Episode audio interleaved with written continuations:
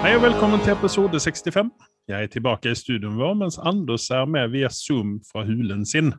Eh, vi har Hei! Mm. Ja. Nei, vi, ja, vi kanskje skulle si hei eh, først, innan jeg begynner å eh, presentere hva vi skal gå gjennom i dag på podkastene.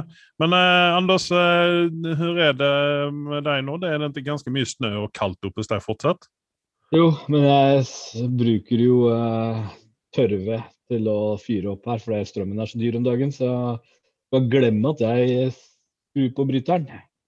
Jeg Ja, bruker du- du- strømmen kun til å se på TV. Ja, du bruker den der, eh, den der sykkelen din, eh, den stasjonære sykkelen din for å, å generere litt strøm og sånn på batteri, så at du kan se på TV og snakke på podkast? Yes.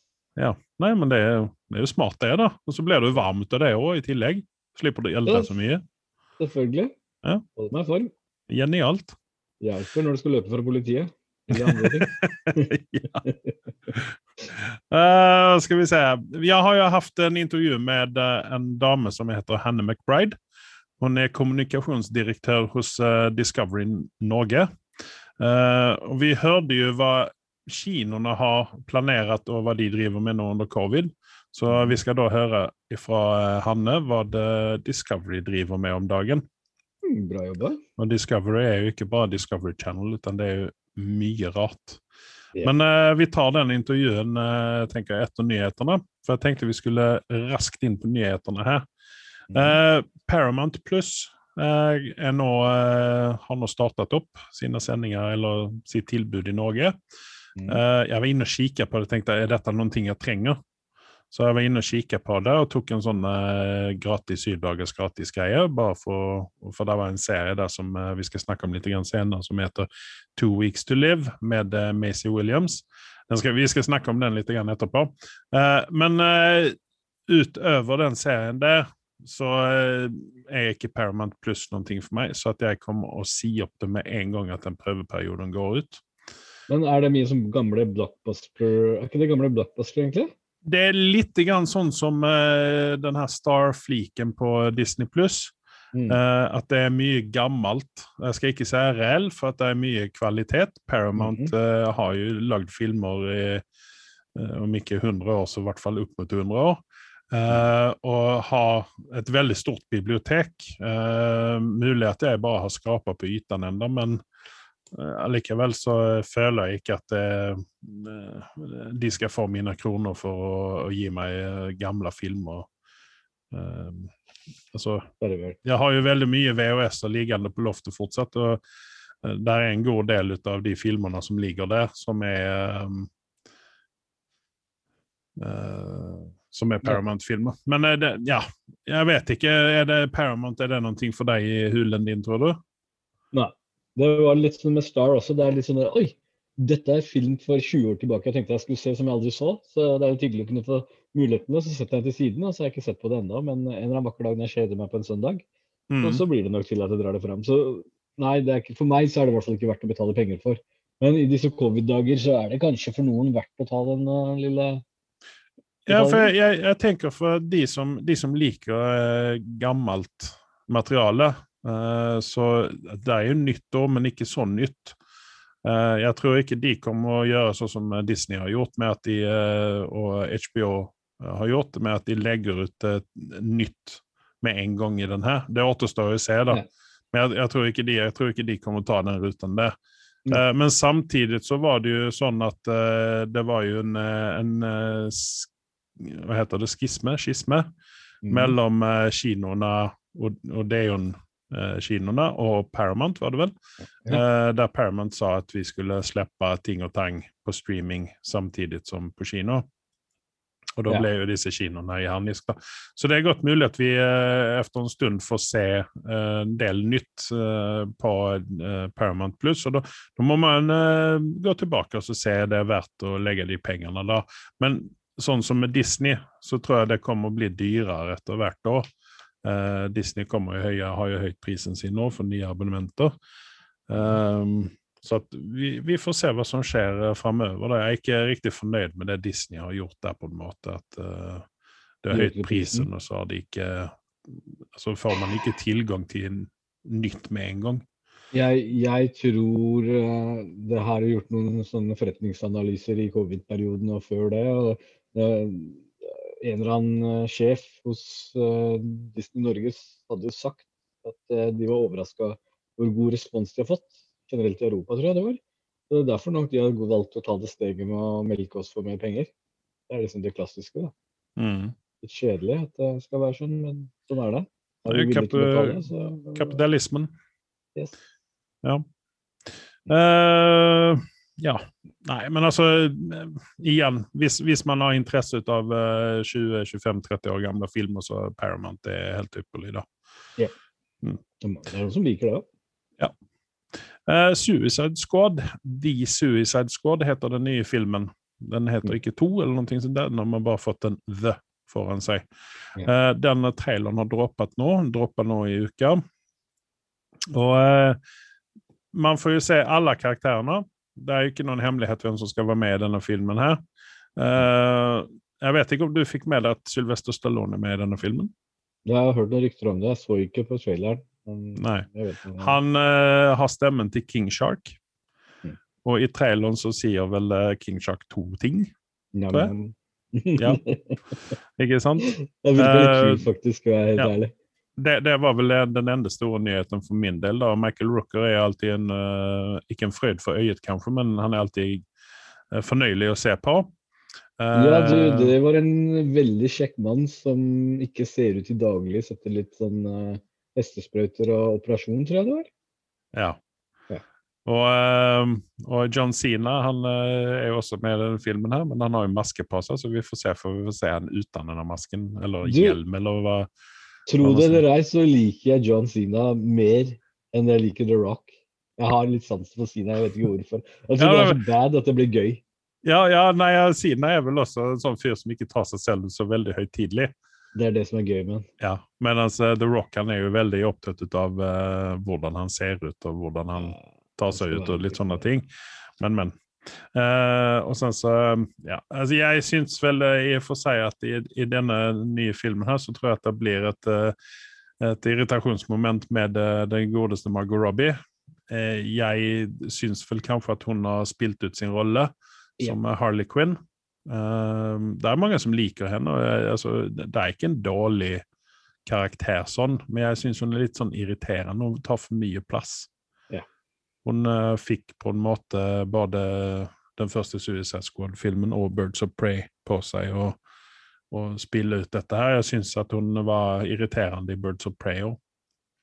Det, er noe med- det er noe med stemmen hennes. Uh, sen så har vi Joel Kinnaman. Han er jo alltid uh, både en frøyd for øyet og en, uh, og en eh, frøyd å eh, se når han acter. Syns jeg. Nei, han, eh, jeg synes han er en stabil skuespiller nå. Så får vi bare se han, om han er Det virker ikke som at han har en stikk oppi i, Eller en, en pinne oppi rumpen i denne filmen her, sånn som han hadde i den første. Da han var litt mer sånn usympatisk og litt sånn Han virker å være litt mer sånn Sluppet løs lite grann uh, i denne filmen her. Så vi, vi får se. Ja. Uh, det går en, en del uh, konspirasjonsteorier om eh, den her T-skjorten han har på seg trail, traileren, med den her kaninen med uh, en rød sånn uh, cape på, eh, eller hva, hva heter det, sånn mantel som Supermann har. Mm. Uh, det var noe med at, uh, at de mener at Warner Brothers burde gjøre en, en ny Supermann-film.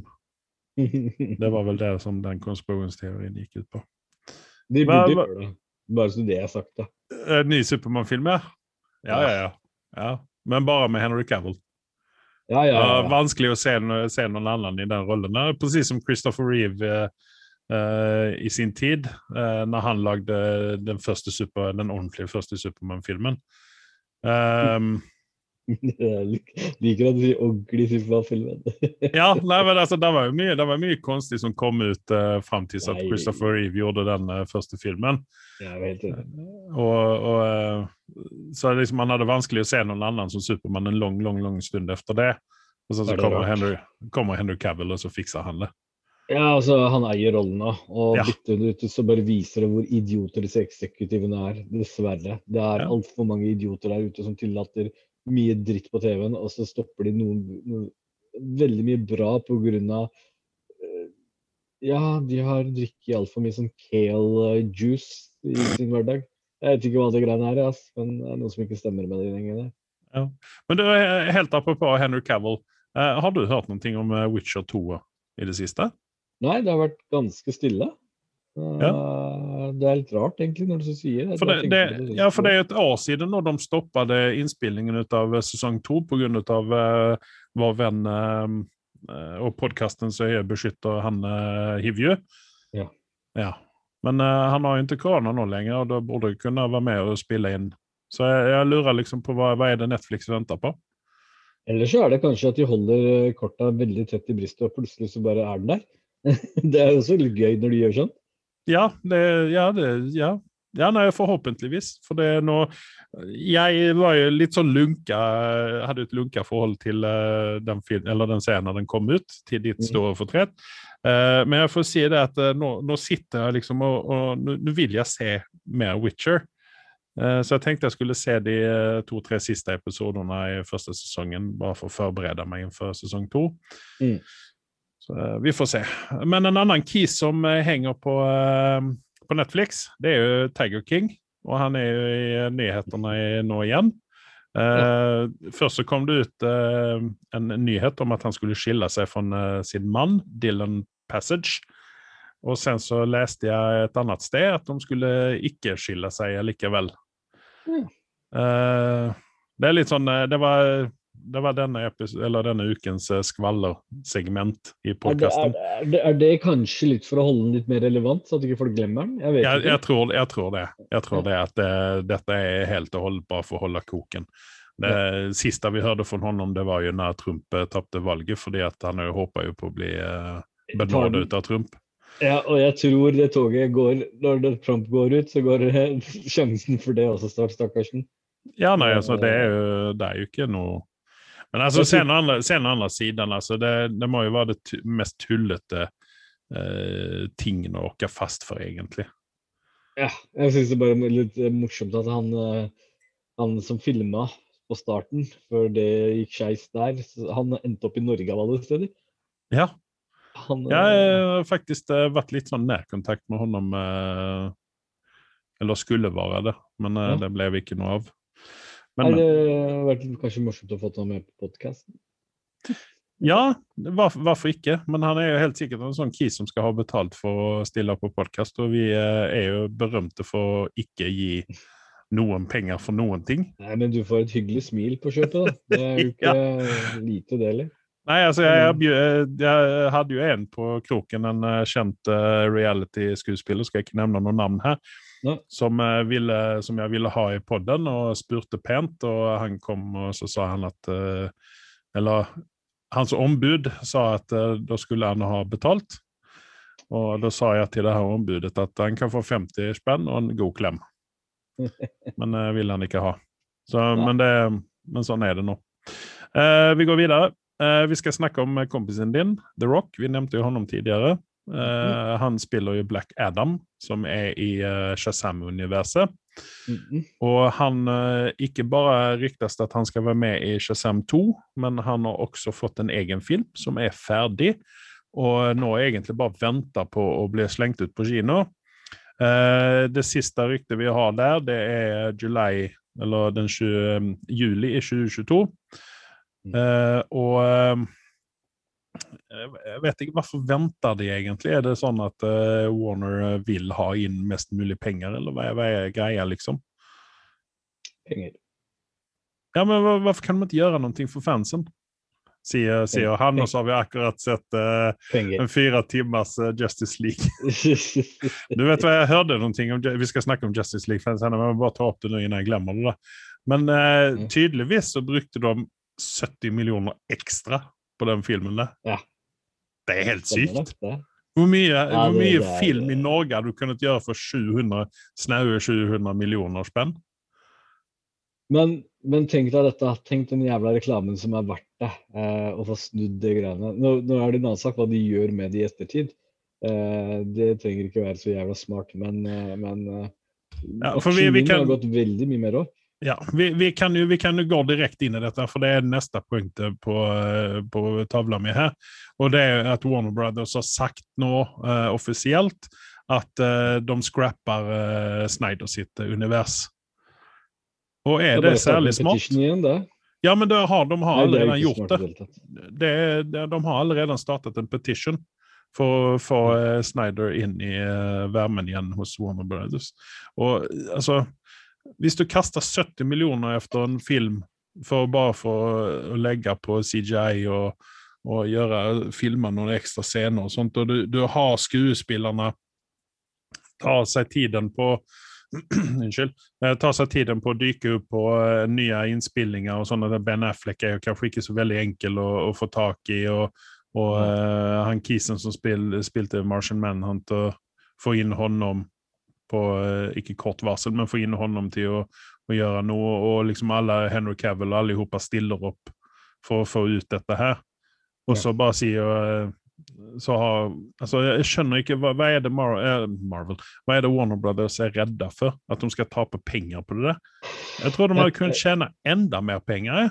Ja, jeg, du er helt holdent enig med deg. Og jeg tror problemet ligger litt sånn som um, selv om det er Disney som eier rettighetene til Marvel, så er det fortsatt Marvel som styrer skuta.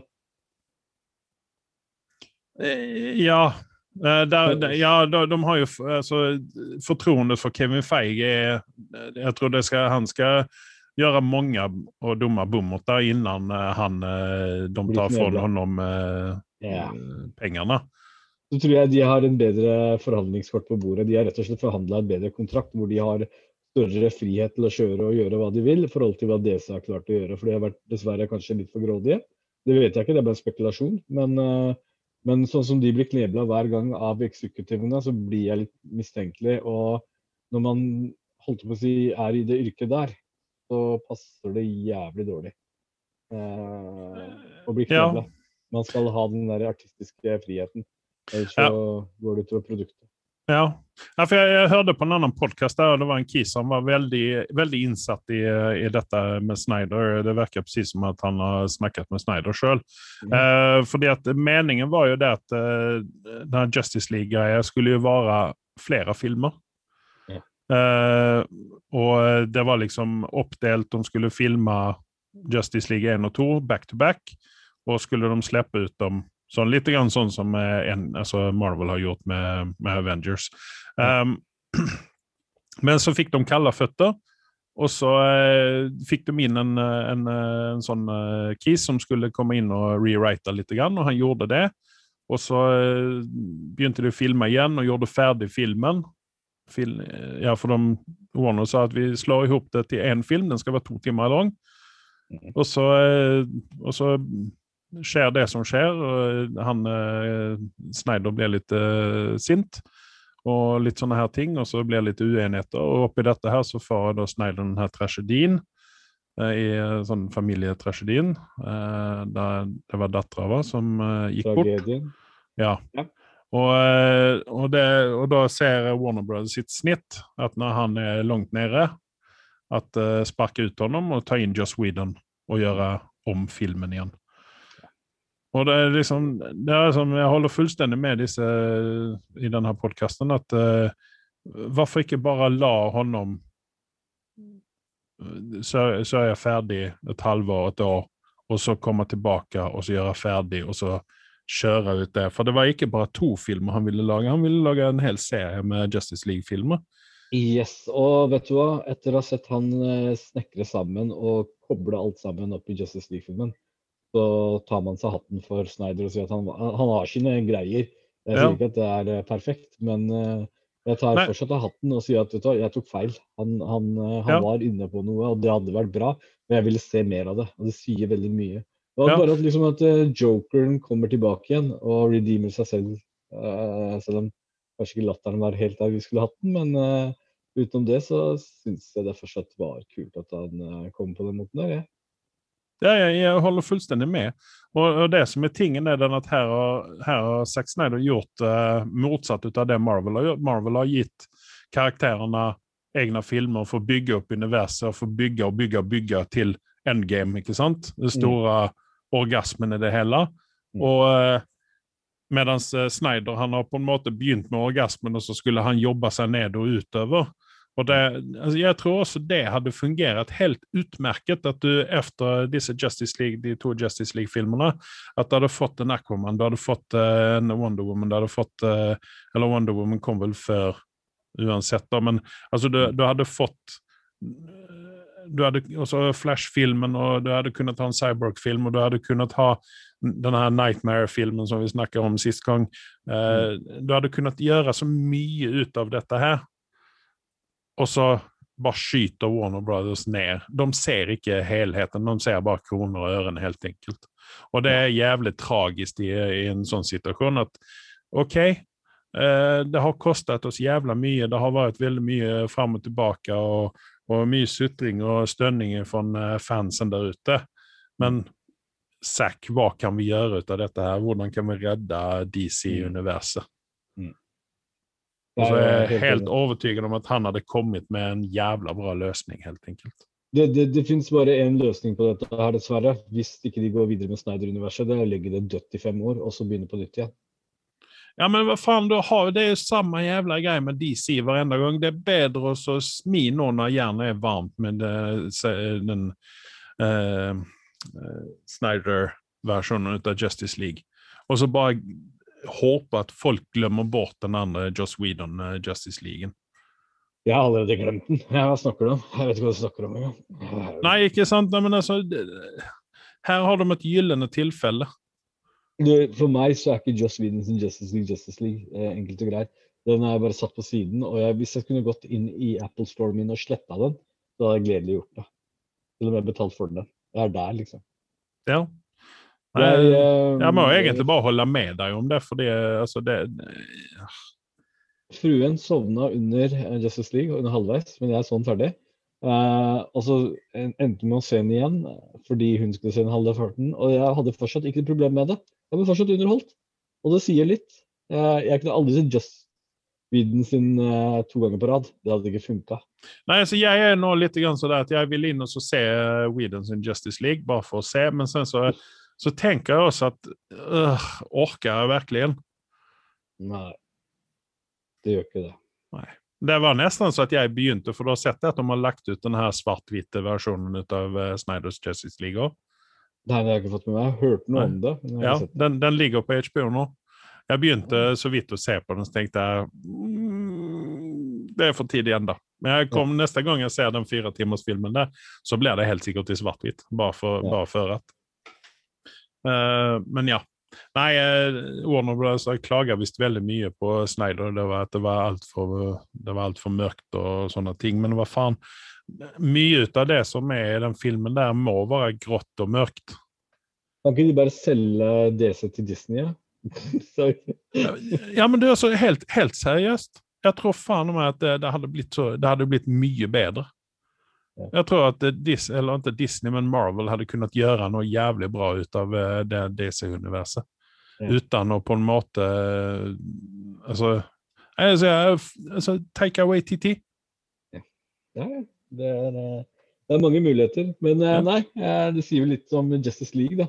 Vi sitter fortsatt og prater om det etter to uker og ikke helt kommet over det. Det er masse fortsatt å dykke dypt inn i den filmen som var, og, og mye som er gjort bra, da. Mm. Ja.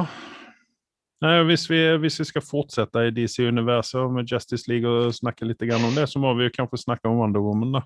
Og vent. Jeg, nå kjenner jeg maten kommer opp igjen. Nei, nå er nede igjen. Ja, takk. For det at hvis, eh, hvis, vi skal, eh, hvis vi skal påminne lytterne her nå, så eh, for en god stund siden, når den først kom ut, eh, Wonder Woman 84 kom ut på eh, HBO Max i USA, så var jeg jo heldig at eh, jeg har muligheter for å kikke på eh, den amerikanske HBO-en, eh, og fikk da sett dette underet her. Og var vel ikke nådig i min i min resension etterpå, og advarte vel egentlig folk for å se dette her. Ja. Og du hørte på hva jeg sa, men har likevel sett den. Ja, jeg måtte jo det. Det, det er en del av jobben min, er det ikke det? Jo, og jeg vil også bare nevne det at jeg hadde en uh, diskusjon med han fetteren din om uh, Wonder Woman. Mhm. Og han uh, har jo han har jo litt svart for Gal Gadot i utgangspunkt. Mm. Hvorfor vet jeg ikke, for hun er en knakende flott dame. Kanskje ikke verdens beste skuespiller, men knakende flott. Det passer jævlig godt til Wonder Woman. Ja, men hun gjør faktisk det. Hun gjør faktisk det. Når du tenker Wonder Woman, så tenker du ja, det er hun. Eh, og han eh, Så sa jeg det at eh, hvis du ikke, hvis du ikke eh, har sett eh, toeren ennå, så ikke gjør det. Ja, hvorfor ikke det? Jeg? For den er, det er møkk. Det er møkk, Mm. helt enkelt. Og så sier, sier han at han skulle se den likevel. Så sa jeg ja, advarer deg, ikke se den. Nei, jeg likte ikke den første, sa han, så jeg kan like bare se den andre òg. Så han har, kanskje- han har kanskje rett i det, da. Men altså, den er Noen ganger så er sånne da, altså, filmer som er såpass dårlig kvalitet at du blir litt underholdt allikevel. Men i denne filmen her så var jeg ikke underholdt i fem minutter. Det var som å bli pissa i trynet i to og en halv time. Det Ja, altså, det var eh, Altså, ikke engang eh, Pedro Pascal kunne ordne, opp i dette her. Nei, hadde, jeg skjønner ikke hvorfor Pedro sa ja til dette her. Det ødelegger legacyen hans. Den kule typen. Og så gjør de dette med han. Han så bare helt rar ut. Jo, men altså, jeg, er- altså, det er ikke noen hemmelighet at jeg er en veldig stor fan av den første Wonder Woman-filmen. Jeg syns at den var det var det beste som DC har sluppet ut, og det mener jeg fortsatt. Ja, Etter Justice League så mener jeg at uh, Wonder Woman har knocka ned til Ja, OK, ja, okay ja, hvis du bortser fra det, da, men altså La oss snakke om Altså. Så liksom Og jeg, da syns jeg jo kanskje, eller Pedro Pascal har vel tenkt at eh, OK, den første filmen gjorde det jævlig bra, den var jævlig bra, den var Allting var tipp topp og sånne ting. Og så tenker han da vil jeg være med nummer to. Men han kan ikke Han må ha hatt en litt sånn sur smak i munnen når han så resultatet.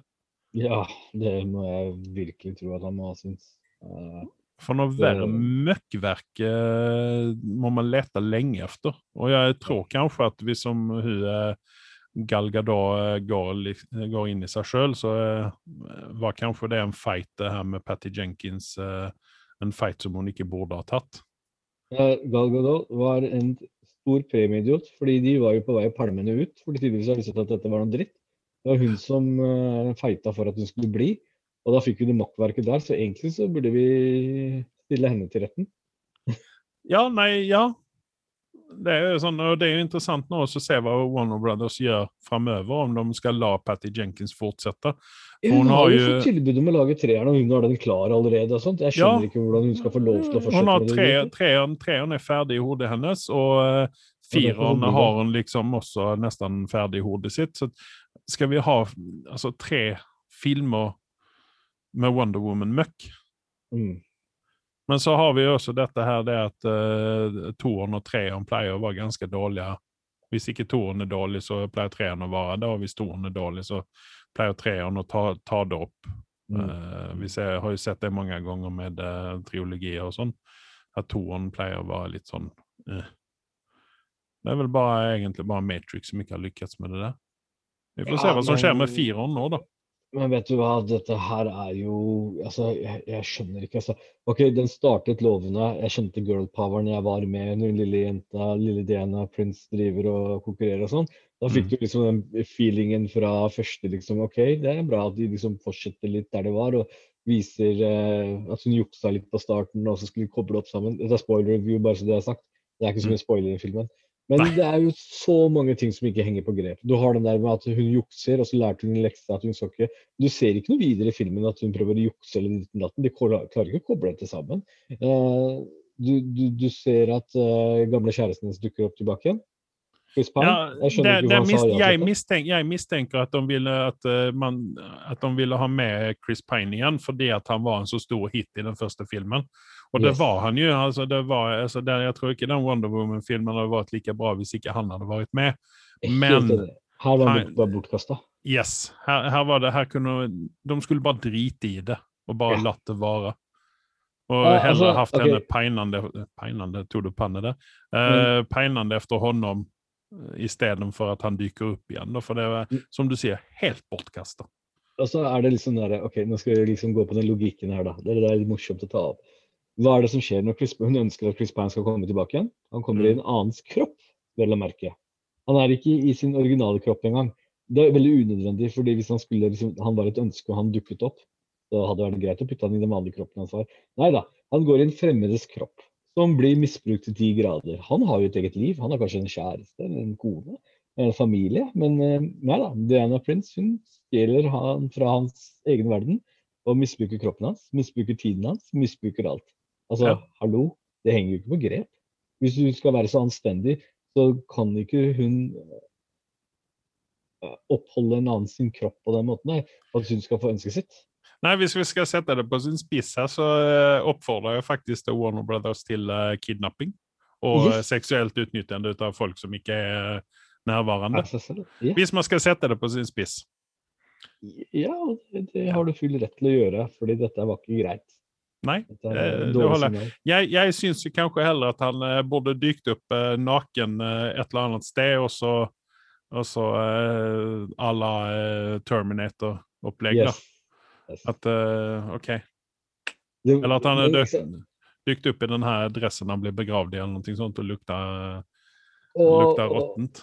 Og Maxwell eh, som eh, prøver å ta knekken på hele verdens befolkning og være den største massemorderen i historien pga. sine handlinger. For han stopper jo ikke, selv om han ser hva dette forårsaker.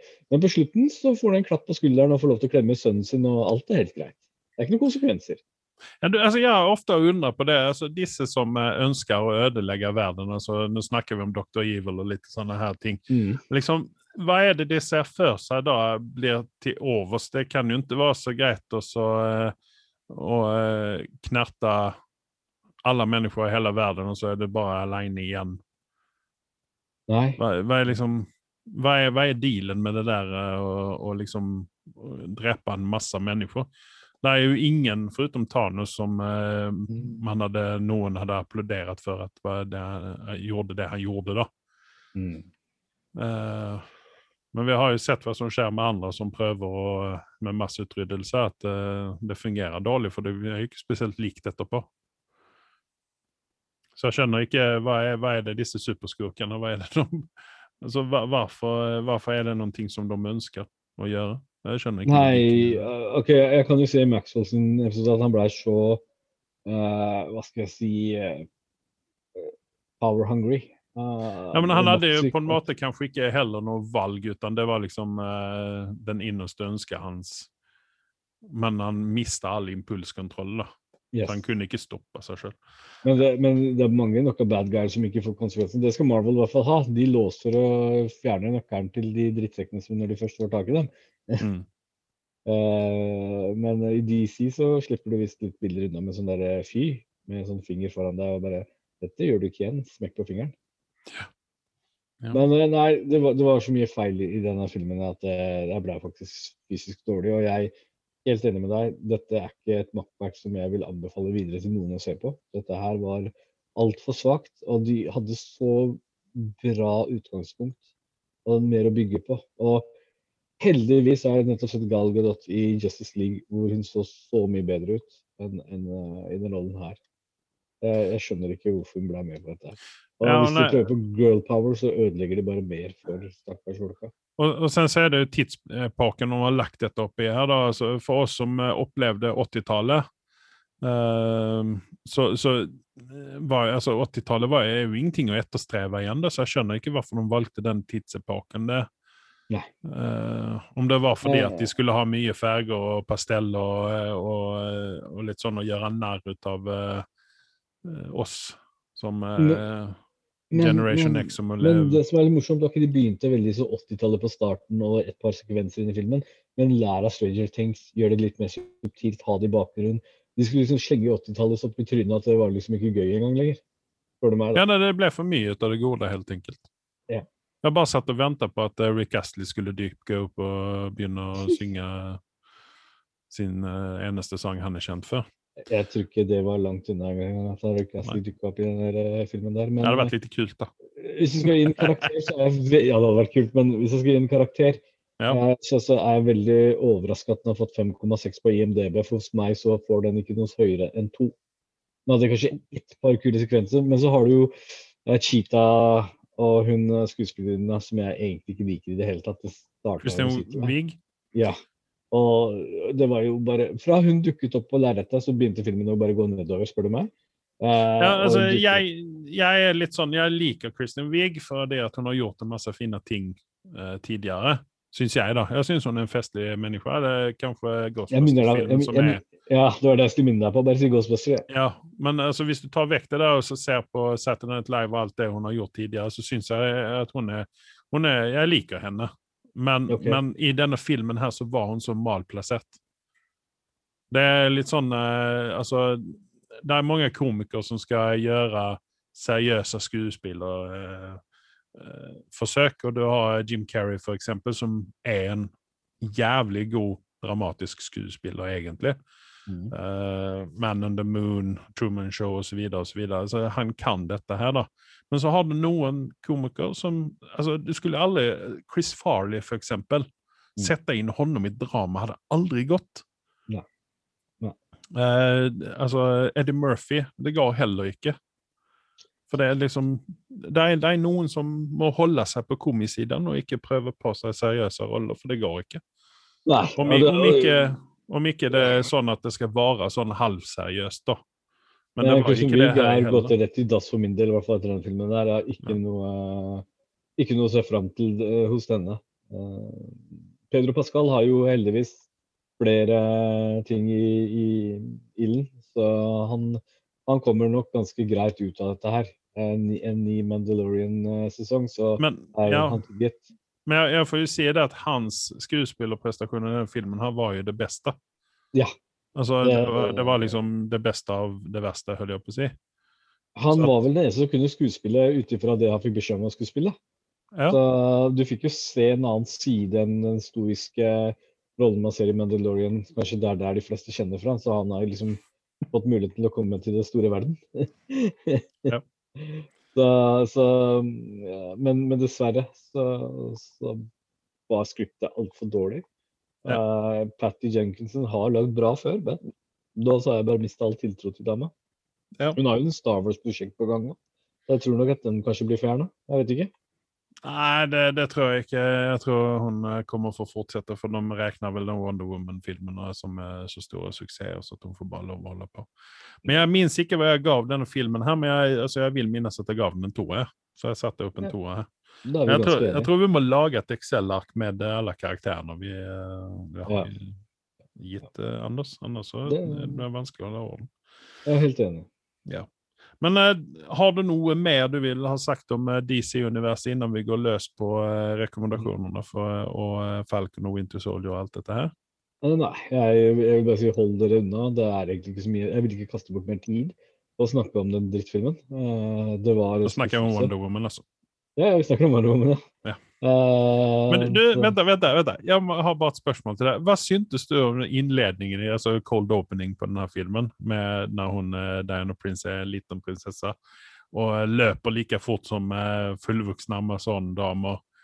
og kan svømme mye fortere enn hva de gjør, og er jævlig god på å ri hest og, og skyte med pil og bue og sånn. I motsetning til de andre Amazon-damene, så skal hun være halvgud, da. Så det skulle bare mangle.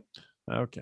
Ja, skjønner, skjønner. skjønner. Ok, greit. Det er det sånn man kan forklare det. Men jeg syns det var litt morsomt at uh, tidligere så visste hun ikke at hun var en halvgud engang. Og så plutselig så var det sånn Ja, faren min pleide å, å gjemme Temneskia med sånn usynlighetsgreier, og det skal jeg bruke nå på det jetflyet her. Så bare hmm, Det kom jo litt plutselig på, eh, hvor hun plutselig er blitt kompis med faren sin. Eh, Ja. Det var ikke noe, vært noe snakk om det tidligere. Eller forklaring på hvordan dette har skjedd. Men nå vet vi hvorfor eh, flyene hennes blir usynlige, da.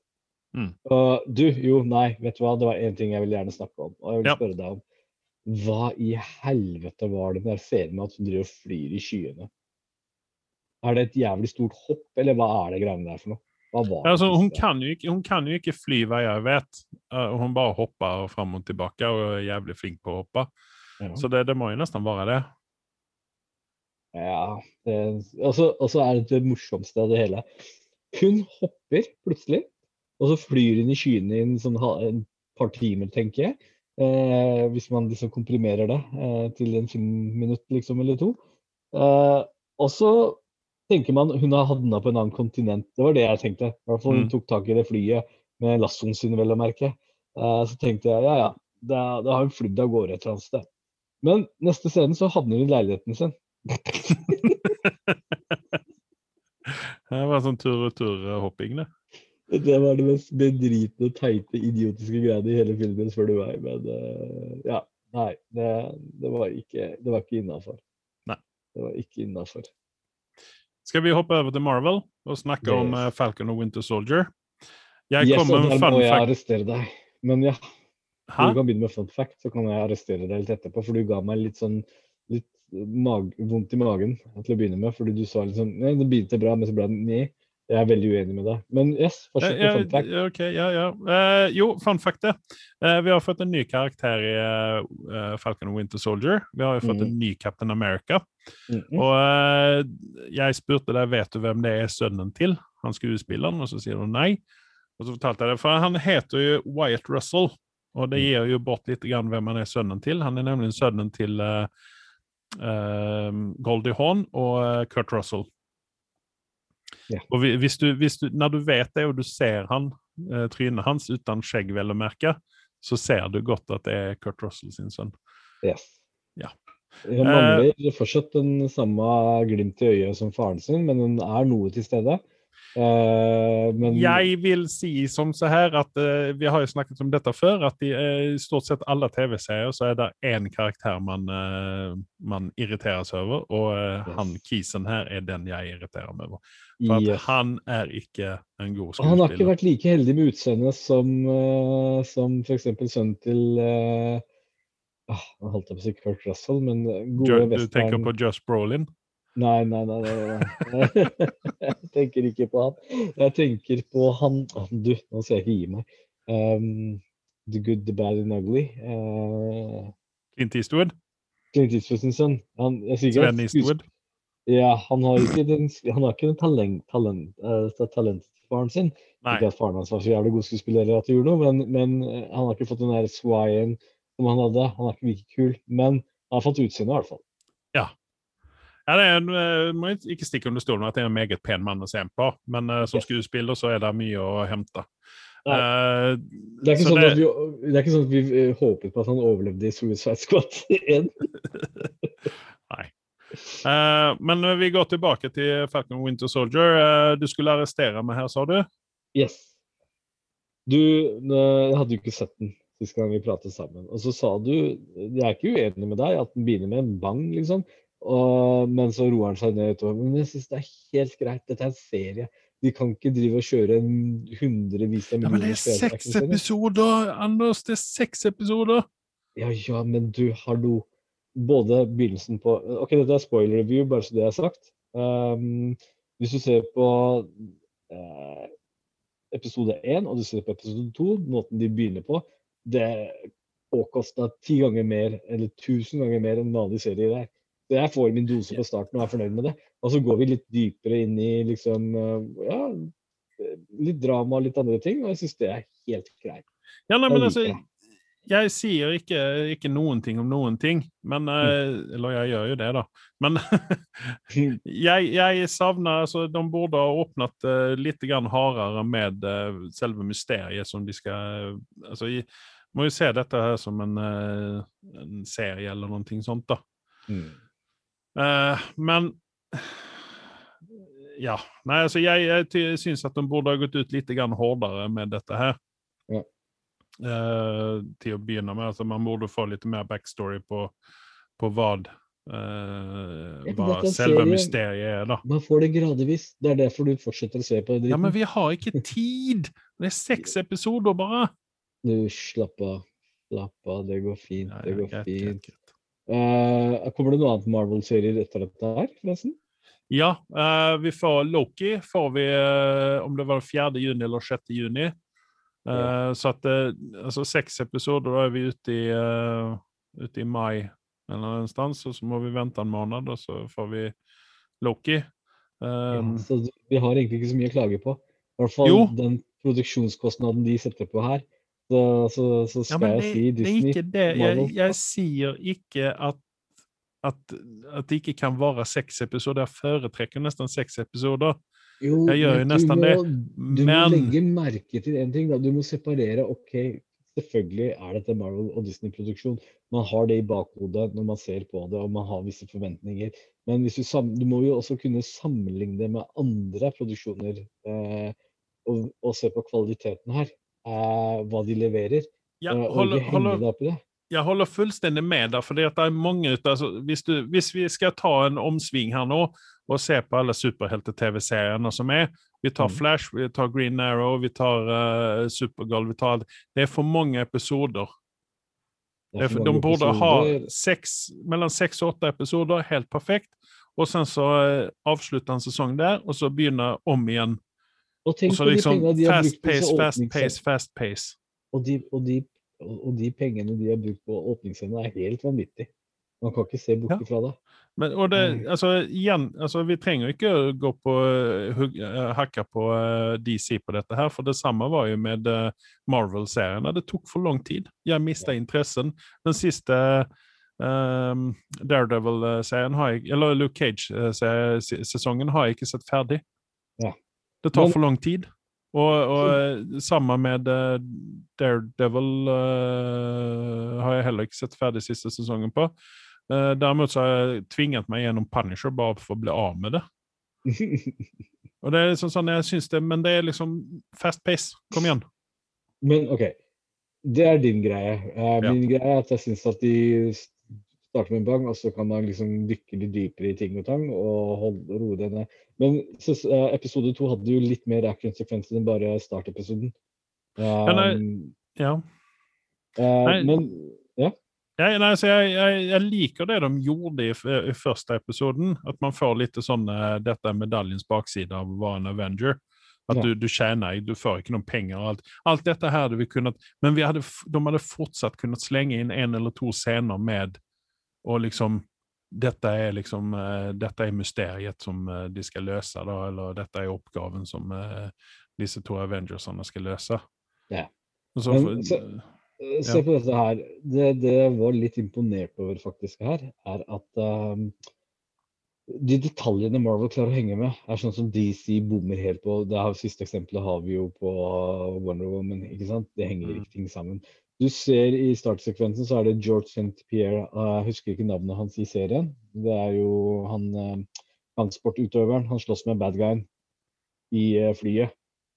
Ja, du tenker han er og Hva han heter? Eh, han franskmannen? Ja, han er franskmann, eller skal liksom være franskmann. Uh, jeg husker ikke hva han heter i serien. Eh, eh, Bokot eller noe sånt der. Yes. Og når han skulle begynne å slåss med eh, Falcon, så tenkte jeg hvis Falcon banker dritten ut av han nå i flyet, så har de Mhm. driti på dagen. Fordi hvis vi husker riktig fra uh, Captain America-filmen, det var vel toeren, der han faktisk Captain America fikk hendene sine litt fulle med å slåss med han. Husker du det? Ja, ja, ja, ja, Uh, og hadde Falcon kommet nå uten å ha den super soldier-serie og banka dritten ut av han, så hadde det bare vært helt på trynet. For han var såpass god til å slåss. ikke sant? Men her så, så du at uh, Falcon klarte ikke helt å håndtere han uh, hånd til hånd combat, liksom. Og det syns jeg er en litt kul detalj. At de klarer faktisk å få frem det. da. At eh, det er ikke helt det samme greiene. Eh, pluss at der får man liksom det vakuumet, det behovet for at Bucky kan komme inn. da. Ja, nei, ja, nei, ja. eh, det- Og jeg syns også det er kult ut av Marvel å så knyte sammen og ikke ta inn en helt ny bad guy eh, sånn. Uten at Yes. de, de, de, det er sånn gjenbruk på bad guys, da. For det, det du tar Ja, for du tar ikke avstand til filmene sånn som filmene har tatt avstand til disse Netflix-seriene. Mm. Mm. At, eh, og, og samme sak som uh, uh, DC har gjort med sine TV-serier. At de har tatt eh, det på en måte ikke altså, De tar Helt, helt avstand korrekt. fra det. Dette føles jo som en, en, en extended Marvel-film, for å si det sånn. Ja, og det, det hjelper Jeg håper jo nå at dette også hjelper til å sette opp eh, fase fire for eh, Marvel, og ikke det at dette er bare en sånn fristående greie. Yes. Utan at dette faktisk også er eh, for å sette opp videre produksjon. Og så har du jo cameos her som er jævlig kule. Bare oi, har de klart å få med den personen, liksom? Ja. I en, eneren så var det jo han godeste Hva heter han? Captain Rody igjen? Eller Major Roadie er det vel da. ja, Don Cheadle var med. Yes. Ja, stemmer. stemmer. og, i de, og i denne så fikk du jo ja, Bad Guy nå litt forskjellig òg. Så og du ser jo Bro dukke opp på slutten. Eh, Bad the Baron, er det vel ikke det? Det er noe i den duren der. Baron et eller annet. Men um, Baron von Strucker. Yes, men han skal jo ha Nei, du, han, du, men, tenker, eh, du tenker på Simo, du. Ja, Simo tenker jeg på. Ja. Simo tenker jeg på. Og han får jo den uh, kule bad guy-looken sin, eh, for det ser vi på posteren. Ja, men altså, det var jo, det var jo på en måte annonsert at han skulle være bad guyen i dette her. Ja. Dette er jo ingen Det- større hemmelighet at han skulle dyke opp. Jeg satt bare og ventet på hvor lang tid det skulle ta innan han dyker opp. Og det er en talentfull uh, skuespiller vi har da med å gjøre her, så jeg har uh, høye forventninger Ja. til uh, bad Gun her. Nei, altså, Så- jeg, jeg er spent. Jeg er spent. Jeg, jeg venter på uh, episode tre. Så det kan ikke, fredagen kan ikke komme fortere, egentlig. Nope. Nei. Uh, vi skulle egentlig uh, introdusere Hanne sin eh, Eller intervjuen min med Hanne McBride. Mm. Eh, den eh, tror jeg vi bare får ta oss og skyve etter, for nå er jeg litt grann sånn i siget her med at jeg vil rekommendere to serier som jeg har begynt uh, å se på. Mm. Eh, den ene er en Netflix-serie som heter Irregulars. Den eh, eh, holder på, eller holder til i eh, universet til eh, eh, Sherlock Holmes. John Holmes, faktisk. Sherlock Holmes. Eh, og eh, det er en serie som eh, jeg tok med meg han eh, yngste mannen min, og så satte vi oss ned og så så vi på denne her. Og han hadde jo Altså, jeg vet ikke hva de får lære seg på skolen eh, nå for tiden, men han kjente ikke til eh, Sherlock-universet. For han skjønte ikke hvorfor Altså, han kjenner jo bare til Benedict Cumberbatch sin Sherlock. Og så lurte han på hvorfor er de bakover i tiden, hvorfor er de i oldtiden, liksom. Mm. Nei, sa jeg, det fordi at eh, Sherlock Holmes hører jo hjemme eh, i, på 1800-tallet. Mm. Og ikke sånn som nå på eh, tidlig 2000, eller på 2000-tallet. Så, så eh, det er litt sånn jeg lurer på hva får de lære seg i skolen, egentlig. For det, det, Conan Doyle-bøkene er jo det er klassikere. Hvorfor får de ikke lese de? Er det fordi at det er vold i de og sånne ting, eller skumle, eller Jeg vet ikke. Men jeg vil, jeg vil i hvert fall rekommendere denne serien her. Eh, hvis man vil ha eh, litt annerledes take på, eh, på Sherlock. Eh, Mm. Man har fått treffe John Watson, men vi har enda ikke fått se mer enn føttene på Sherlock i denne serien her. Og det som jeg måtte forklare for han sønnen min, det var jo det at Sherlock han har jo et opiatproblem eh, til tider, som gjør at han ikke er helt stabil, og det er han heller ikke i denne serien her, da. Det enda som jeg kan se er litt feil i dette her, det er det at skuespillerne de har en tendens til å snakke veldig aggressivt til hverandre. Okay. De kan, de, det er liksom sånn, hvorfor er, det, hvorfor er de så aggressive her nå? For hvis man skal ta litt sånn spoiler her nå, da, plot point, eller en del av plotpointen her er at uh, John Watson han søker opp disse gatebanene, for vi får se uh, Sherlock Holmes fra gatebanene sine øyne istedenfor fra Sherlock Holmes sin side. Mm. Uh, og han er behandla Altså, han er så aggressiv og, og eh, litt sånn usympatisk mot disse jeg skal vel ikke si barna, da, for de er ungdommer, da, for de er i 17-årsalderen rundt det.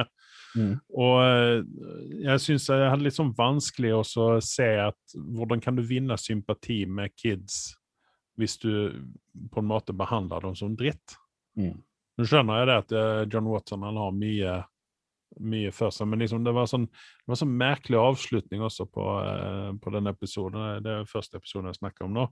Det var en sånn merkelig avslutning, da, for det var liksom ikke takk og eh, takk for at dere hjelpte meg, og her har dere pengene, utan det var mer sånn eh, Er du bare her for pengene dine? og sånn. Det var liksom sånn Jeg syns det var litt sånn merkelig dialog, så jeg får håpe at det, de, eh, det tar opp seg litt. Grann, da. Men jeg, jeg vil fortsatt rekommendere den, fordi at det er det er en kvalitetsting som uh, har kommet ut på Netflix nå. og Det, er- det er en liten stund siden vi fikk uh, kvalitet på, på Netflix. Ja. Um, ja. Og så vil jeg også uh, rekommendere en annen serie, den rekommenderer varmt. Den heter Two Weeks to Live. Det er med Macy Williams fra Game of Thrones.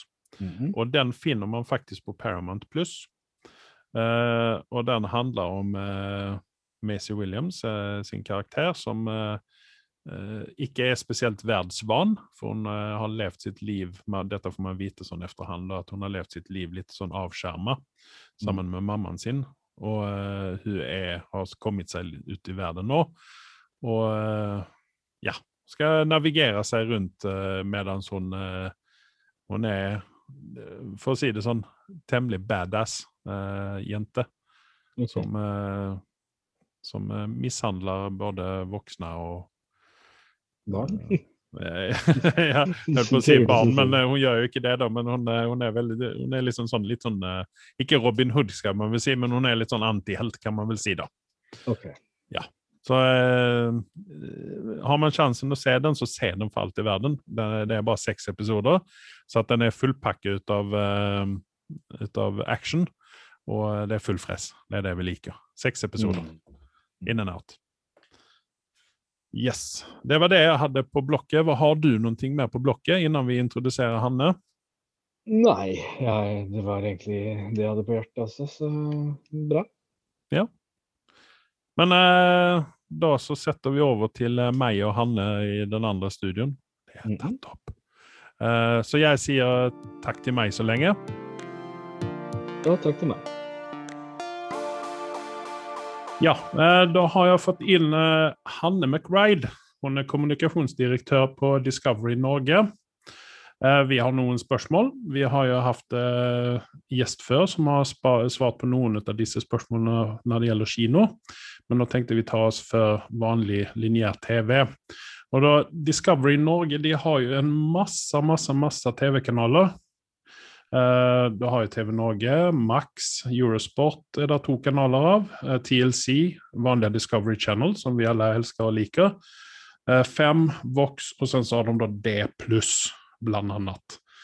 Eh, D pluss er streamingservicen til Discovery, og eh, der finner vi jo mye ut av det som det utbudet som går på lineær TV, men da kan vi se det når vi vil.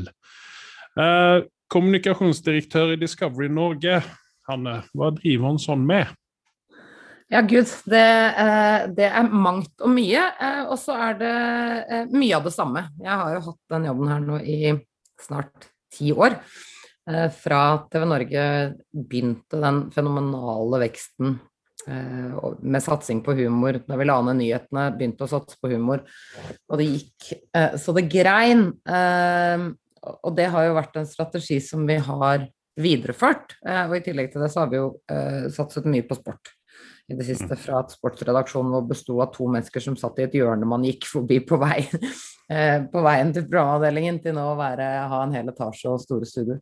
Nei, så det, det mitt ansvar er, er jo å uh, sørge for at vi kommuniserer godt både rundt programmene våre, sånn at Mm. folk vet hva de skal se på, eh, planene våre, og også hva som skjer nå i større grad liksom på gruppenivå. Eh, Vi er jo en stor eh, global aktør. Samtidig som vi har et voldsomt fokus på å være hyperlokale. Altså vi skal være relevante for norske seere. Mm. Uh, Covid-19, hvordan har det vært for lineær TV for deres del? Har det vært en, eh, et stort oppsving i uh, altså seerantall og sånne ting? Uh, eller, eller har det liksom beholdt seg på en normal nivå? Nei, altså lineært så er vi typ tror jeg liksom opp et minutt eller noe i, i den duren. Det, har- det har Mm. vært eh, stabilt. Altså konsumer generelt er vel eh, har vært stabilt. Og så har det vært oppover hos noen. Det har vært særlig nyhetene ikke sant, som har vært ledende i det året vi har lagt bak oss, både med covid og med eh, og med presidentvalget i USA. Altså det har vært store nyhetshendelser eh, som har Mm. tatt veldig mye av lineærkonsumet. Eh, og så ser vi at totalkonsumet, hvis du også tar med strømmetjenestene, så er, det, er vel det opp, eh, opp ca. en halvtime totalt. Eh, Det som er interessant sånn fra vårt ståsted, er at vi har konsum på Eller folk har sett på andre tidspunkter enn vi tidligere har vært vant til at de har sett. Altså sommerferien som vanligvis er lavsesong, mm. eh, holdt sengen seg høy, og også en del dagtid, som jo også er eh, eh, ikke liksom jeg, har- jeg prioriterte sånn um, lineærtidspunktet for oss, Jeg har også hatt mye bedre seing. Og det har helt sikkert med folks hjemmekontor å, å gjøre. Ja, for det, er jo, det er jo et ganske interessant punkt, fordi at eh, eh, mange sier at de har så mye å gjøre, men allikevel så ser dere en økning i eh, TV-tittende dagtid, og det, det syns jo vi er uh, gøyalt, helt enkelt. Jeg Eh, håper at det handler om at folk har, uh, er flinke til å planlegge dagene sine og, eh, og, og flekse på det. Det er sikkert mange som har den på mens de gjør andre ting. Eh, ja, jeg, jeg mistenker det. Jeg hadde ikke kunnet jobbe sånn, for da hadde jeg ikke fått noe gjort. Men eh, Nei, for det vi, i denne podkasten så er vi veldig interessert i hva som eh, hvordan eh, streamingen konkurrerer med både TV og kino og alt mulig annet. Mm. Så, så er dere på en måte redda for å miste seere til eh, sånn som HBO Max nå, som kommer til, eh, her til lands i eh, Q3 eller noe sånt? Mm. Der de har da begynt å vise kinofilmer direkte på streamingen. Mm. Disney Pluss følger litt efter der, men har en sånn paywall en stund, og så blir det gratis. Eh, hvor- hvordan, hvordan jobber dere for å beholde seerne deres eh, mot, Altså, mot streamingen? Ja, altså det, det enkle svaret på hvordan vi jobber, er jo, uh, som jeg også sa innledningsvis, at vi skal være relevante for norske seere. Mm. Uh, vi skal lage uh, og levere det innholdet vi til enhver tid eh, eh, tror er det beste innholdet for norske seere. Og så Mm. er det jo også sånn at selv om det kommer flere til, så ser man at totalkonsumet går opp. Mm. Eh, Så det er ikke nødvendigvis sånn at eh, en konkurrent spiser av tiden eh, hos oss, men at, at totalkonsumet går opp. Nå ser altså folk nesten fire timer daglig Mm. levende bilder. Ja. Og det er jo det er mange timer i løpet av et døgn, og det er jo noe vi ser på som det, er, det gjør jobben vår det gir, det gir mye mening å vite at man forvalter så mye av nordmenns tid hver eneste dag. Eh, sånn Mm. at eh, eh, det at det kommer flere til, gjør jo også at, eh, at nå ser vi en økning i hvem som kommer til. Altså det Mm. er flere seere som er eh, over 50. Tidligere så har jo altså, eh, Discovery Plus, som den heter nå, men Dplay som den het før, i all hoveddel hatt yngre seere, altså under 30, men nå kommer det flere til. Og så vil det på et eller annet tidspunkt så vil det markedet være mettet. Men så blir spørsmålet om det blir konsolideringer, at man får flere store tjenester som inneholder en større variasjon, eller om det blir mer spesialisert. At, eh, at hvis du er interessert i akkurat eh, altså det vi kaller vertikaler, f.eks. motor, så går du og ser en, en, en spesifikk strømmetjeneste som, som leverer på det. Mm. Eh, vår tanke er jo Discovery Pluss ble lansert i januar, og det er Discoverys globale tjeneste. Så det som skjer, er at biblioteket vårt, altså tilfanget på innhold, er jo helt enormt. Mm. Eh, Så skal vi levere for norske seere. Det betyr at vi gjør en, eh, en kuratering i hva vi viser og løfter frem på front. Mm. eh, Som både skal være aktuelt, og som skal være en del eh, um, re relevant for norske seere. Men så kan vi også hente inn eh, tunge dokumentarer fra Storbritannia, fra Sverige, eh, hele innholdet på eh, Discovery Channel og TLC. Og vi ser jo at vi kan plutselig få en kjempeøkning i norske abonnenter fordi vi f.eks. leverer et, et program fra England som plutselig ble hot. Og, og det gjør jo at vi nå har ganske mange strenger å spille på, som er gøy. Ja. Eh, vi har jo også sett at en eh, del av eh, de norske kanalene har satsa veldig mye på reality-TV og reality-programmer.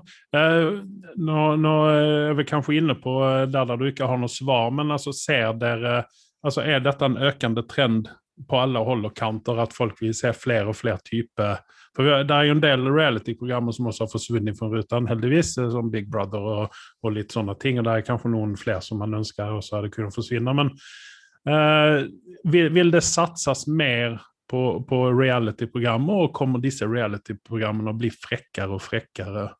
eh, Nei, det, det, jeg syns det er et interessant spørsmål, for det, uh, uten at jeg skal bli flåsete, så er det jo uh, det er jo også en grense for, for hvor frekt det kan bli.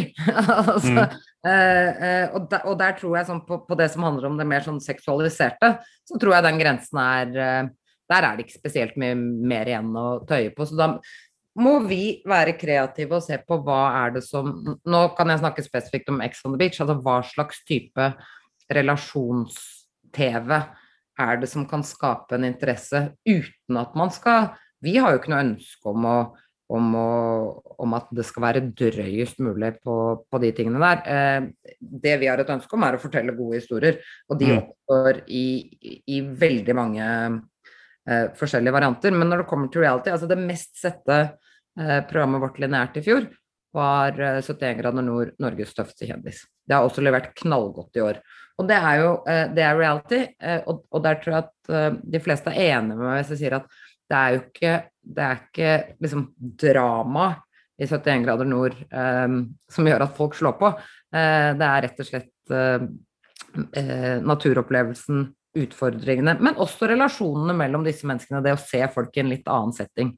Mm. men vår strategi som har ligget ganske sånn ikke uforandret, men at man justerte på den, er at vi skal være gode på humor og humordrama. Mm.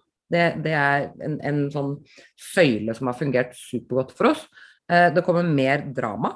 Det ser vi jo også at særlig strømmetjenestene eh, trenger mer og mer og mer av. Det er noe som konsumeres eh, høyt. Så har vi reality, og der tror jeg at eh, igjen, vi skal gå for de gode programmene. Eh, de som Ex on Beach er det mest sette eh, programmet på, på strømmetjenesten vår på Discovery Pluss nå. Eh, og den tiltrekker seg ekstremt mye unge folk. Mm. Eh, og det betyr at altså, vi måler jo suksess i engasjement og i seertall. Men mm. vi har jo også en historie med å ha eh, programmer som Else eh, Else Kåss Furuseth har laget med fokus på, på selvmord og på eh, ikke barnløshet, men måter å skaffe seg barn på mm. uh, som, som singel kvinne, og hvordan man løser de eller som homofil, løser de tingene. Eh, vi har jo Vi hadde Tufte IL, vi har Tangerudbakken. Det er også et poeng for oss at vi skal kunne levere TV som tilfører noe mer enn bare ren underholdning. Det er mm. kjempesuksess globalt nå med, med Estonia, dokumentarserien vår um, om det skipsforliset. Som Den er solgt til alle land. Altså, mm. det, uh, vi gjorde Baneheia-dokumentaren. Uh, som også har gått veldig veldig godt, og ikke minst har vært en utrolig viktig uh, et viktig stykke journalistikk som vi har klart å presentere mm. bredt. Mm. Uh, sånn at det er, ikke, det er ikke noe sånn at vi Sjangermessig så ser vi mer på kvalitet innenfor sjangeren mm. enn en, en at vi spesifikt skal Eh, skal ha så og så mange programmer i en sjanger. Vi ser mm. på at, at, i de ja. sjangerne vi leverer, så skal det være, det skal være godt innhold. Ja, for jeg var, jeg var inne og kikket litt i, eh, på D, eh, eh, hva som lå der, og jeg får jo si det at eh, hvis man skal se på et aldersspenn på seerne deres, så eh, ser det ut som at dere prøver å gi alle aldersgrupper og alle typer folk mulighet å, å kikke på hva dere har, for dere har reality for de litt yngre, kanskje, med Ex on the Beach og disse greiene her. Og sen så har det så I realityn der med 71 grader nord, som du nämnde så gjetter jeg oss at det er en god del eldre mm. eh, som joiner de yngre for å se på, på dette her. Eh, sen så har det krim og komiserier og dokumentarer framfor alt som som interesserer veldig mange. Så jeg syns at spennet deres er veldig bra. At dere, altså, det ser ut som at dere har et stort fokus på, på um, å tilby noe til enhver. Og Det er jo veldig fint. og, det, og Når man da skal tenke på konkurransen mot uh, disse rene streaming-servicene, så, så uh, er det vel egentlig bare Netflix på en måte som kan hamle opp, men de har vel ikke det der Ex on the Beach-segmentet. Um, Nei, og så har de jo veldig lite av det som som, som, fortsatt er vårt fortrinn. Vi snakket om det liksom i, i sånn managementmøte senest denne uken, her, at det å være Vi er nok den eneste eh, globale aktøren som både har en streamingtjeneste og lineære kanaler i så mm. mange markeder. Eh, mm. og, og, det å balansere eh, det globale opp mot nettopp det å være hyperlokal, da. Altså, mm. Norge er jo et bitte lite land i, i Discovery-sammenheng, men det er Mhm. likevel et stort marked. eh, fordi folk liker eh, det vi lager, og ser på det vi lager. Eh, Mhm. Og også fordi at vi hadde et, et, et ganske gode markedsandeler da Discovery kjøpte oss tilbake i 2014, eller når det var. Altså at, Mm. at vi er ikke bare eh, en arm av noe som noen sitter i Amerika og, og um, planlegger, mens vi har, altså vi har en veldig lokal um, innholdsstrategi, hvor det sitter mennesker i Norge og bestemmer hvilke programmer som er riktig å lage her til lands. Og, det, eh, og det er det jo ikke så mange av de andre strømmetjenestene som har. Det, jeg ser jo at Netflix skal jo nå altså, har jo laget eh, De har fått eh, Hjem til jul, som jo er norsk, laget av et norsk produksjonsselskap. Eh, HBO ansetter jo nordmenn nå i, Mm. i eh, innholdsroller. Eh, og så blir det jo spennende å se hva slags volum de kan levere eh, eh, på programmer tilpasset et norsk publikum. Mm. Ja, nei, det, det, de har jo en viss press på seg, HBO og Netflix, alle disse globale, at de må produsere lokale eller sånne nasjonelle TV-programmer òg. Ellers så får de ikke lov å operere, har jeg hørt.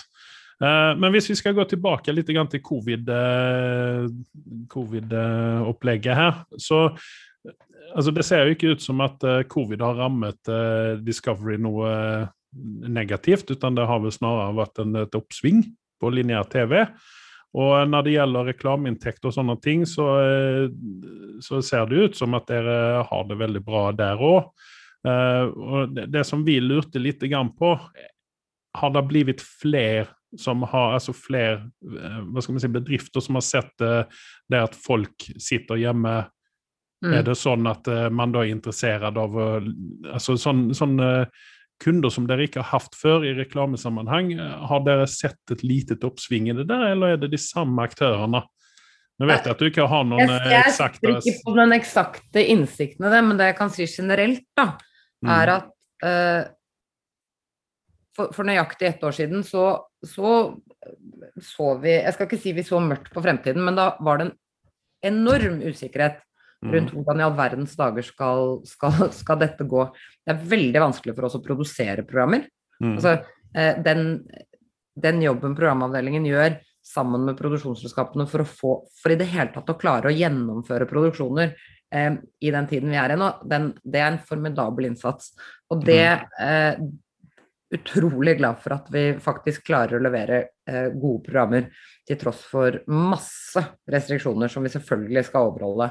Mm. Eh, og så ser vi det at vi går ut av 2020 eh, og er eh, veldig fornøyde med hvordan det har gått. Ikke bare på innholdssiden, men også, på, også generelt hvordan eh, året har vært. Både med tanke på annonsører. Men, men, men det vi vet, er at det er noen annonsører av de store annonsørene som har satt eh, Som går ut og sier at de setter liksom De setter markedsbudsjettene litt på hold.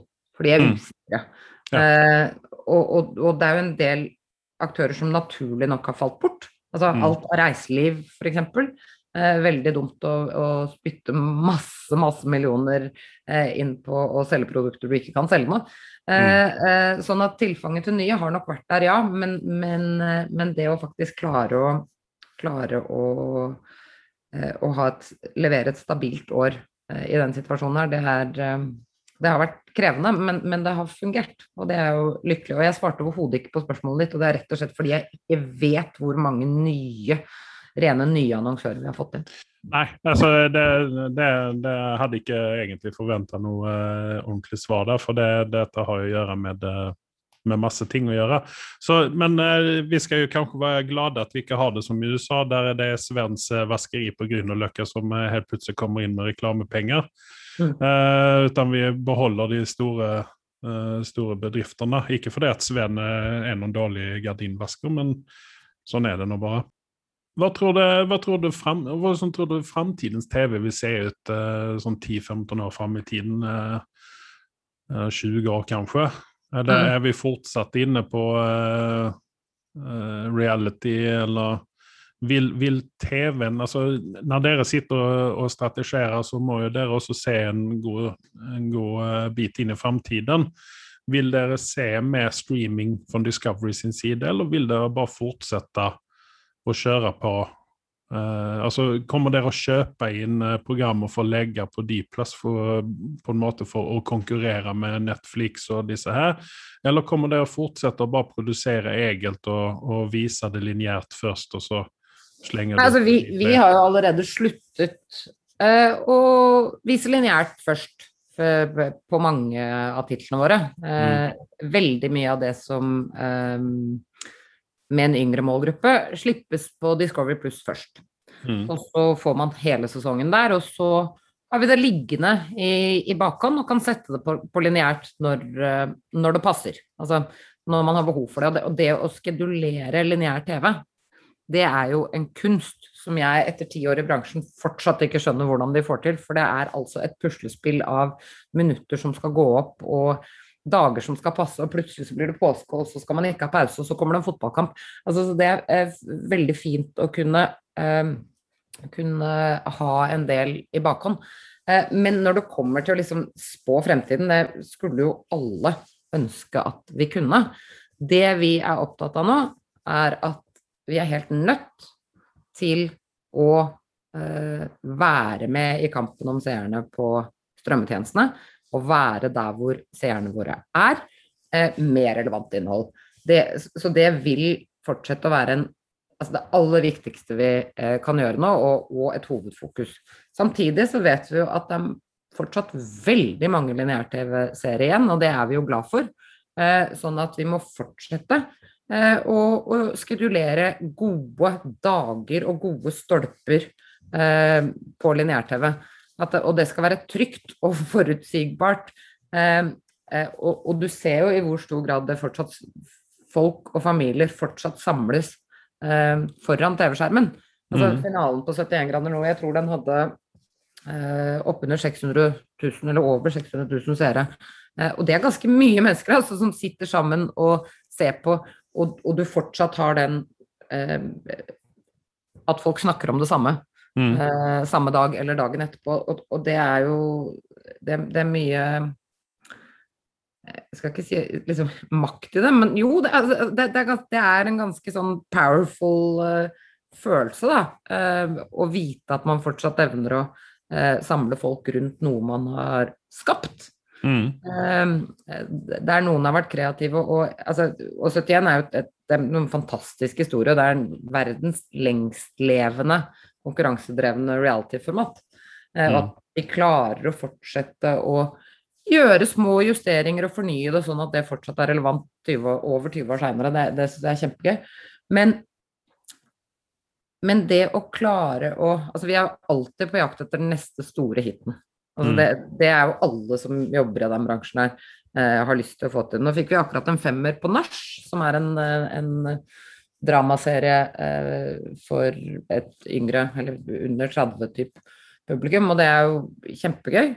Eh, og så kommer det jo med jevne mellomrom noen, sånne suksesser dalende det som du ikke helt skjønner at eh, skjønner at slår an som de gjør, og så hiver hele bransjen seg rundt og prøver å gjøre det samme. Og, så, og sånn, sånn, går vi nå litt i loop. Men, men, fokuset må hele tiden være på å lage høykvalitets-TV eh, som du treffer publikum med. Mm. Men så er det jo sånn, da, hvis jeg kan få lov til å være litt detaljert, det kan jo hende folk er interessert i den innsikten, at det koster forferdelig mye penger å lage, eh, å lage god TV. Mm. Eh, så innimellom så lager vi også TV som ikke koster forferdelig mye penger, eh, men som byr på noe som folk likevel kan være interessert i å, å se på. Så er det jo det å balansere eh, Rett og slett balansere budsjettene opp mot antallet TV-timer eh, vi behøver, da. Så mm. Så nå, nå, det kan hende at dette blir kjedelig for folk, men vi skulle jo veldig gjerne kunne lage de svære høykvalitets-dramaproduksjonene uh, som jo er Drama og dokumentasjer er jo det dyreste vi gjør. Det er kjempedyrt. Mm.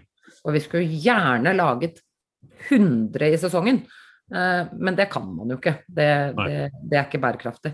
Men, eh, men, men så er det en del av de litt mer altså litt mindre dyre, da, for å bruke det begrepet, produksjoner som plutselig også slår an og går veldig, veldig godt. Så det er jo gøy.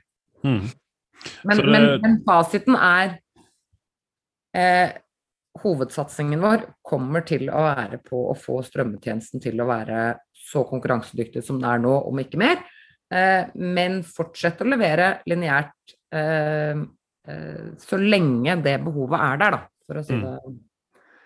Det Så da, da, da kan vi ikke se bort ifra at uh, D pluss kommer å bli en uh, uh, Dra seg litt grann mer åt uh, Viaplay og Netflix-holdet. Det vil si at du kjøper inn uh, komiserier utifra og ikke bare bruker egenprodusert eller Ja, det er jo vanskelig å si, og, og det er også ganske interessant, for det er ikke så veldig lenge siden vi nærmest fra, altså fra å være tre mennesker i Norge som jobbet med innkjøp, Mm. som reiste rundt eh, til LA Screenings og var på alle messer, og, og da handla det om å karre til seg liksom, the likes of Lost og uh, Grace Anatomy og de store tingene der, til at er, det er kanskje to stykker globalt som jobber med det. Altså det, det er, Mm. nei, det er nå, nå underdrev jeg litt, men, men til at det ikke er et satsingsområde eh, i, i samme grad, til at det kanskje kan komme tilbake igjen. At man Mm. ser at, vet du hva eh, En av de store eh, utenlandske suksessene for oss, 90 Days Fiancé, som er et TLC eh, Opprinnelig var et TLC-program som nå har blitt en sånn franchise, for det er masse spin-offs i alle retninger. Går så det griner. Mm. Eh, og det kan godt hende at, eh, at vi skal kjøpe inn mer enn det vi gjør i dag. Mm. Og det kan godt hende at vi også skal produsere det selv. Det, det, er, ikke, det er ikke noe fasit på det. Nei.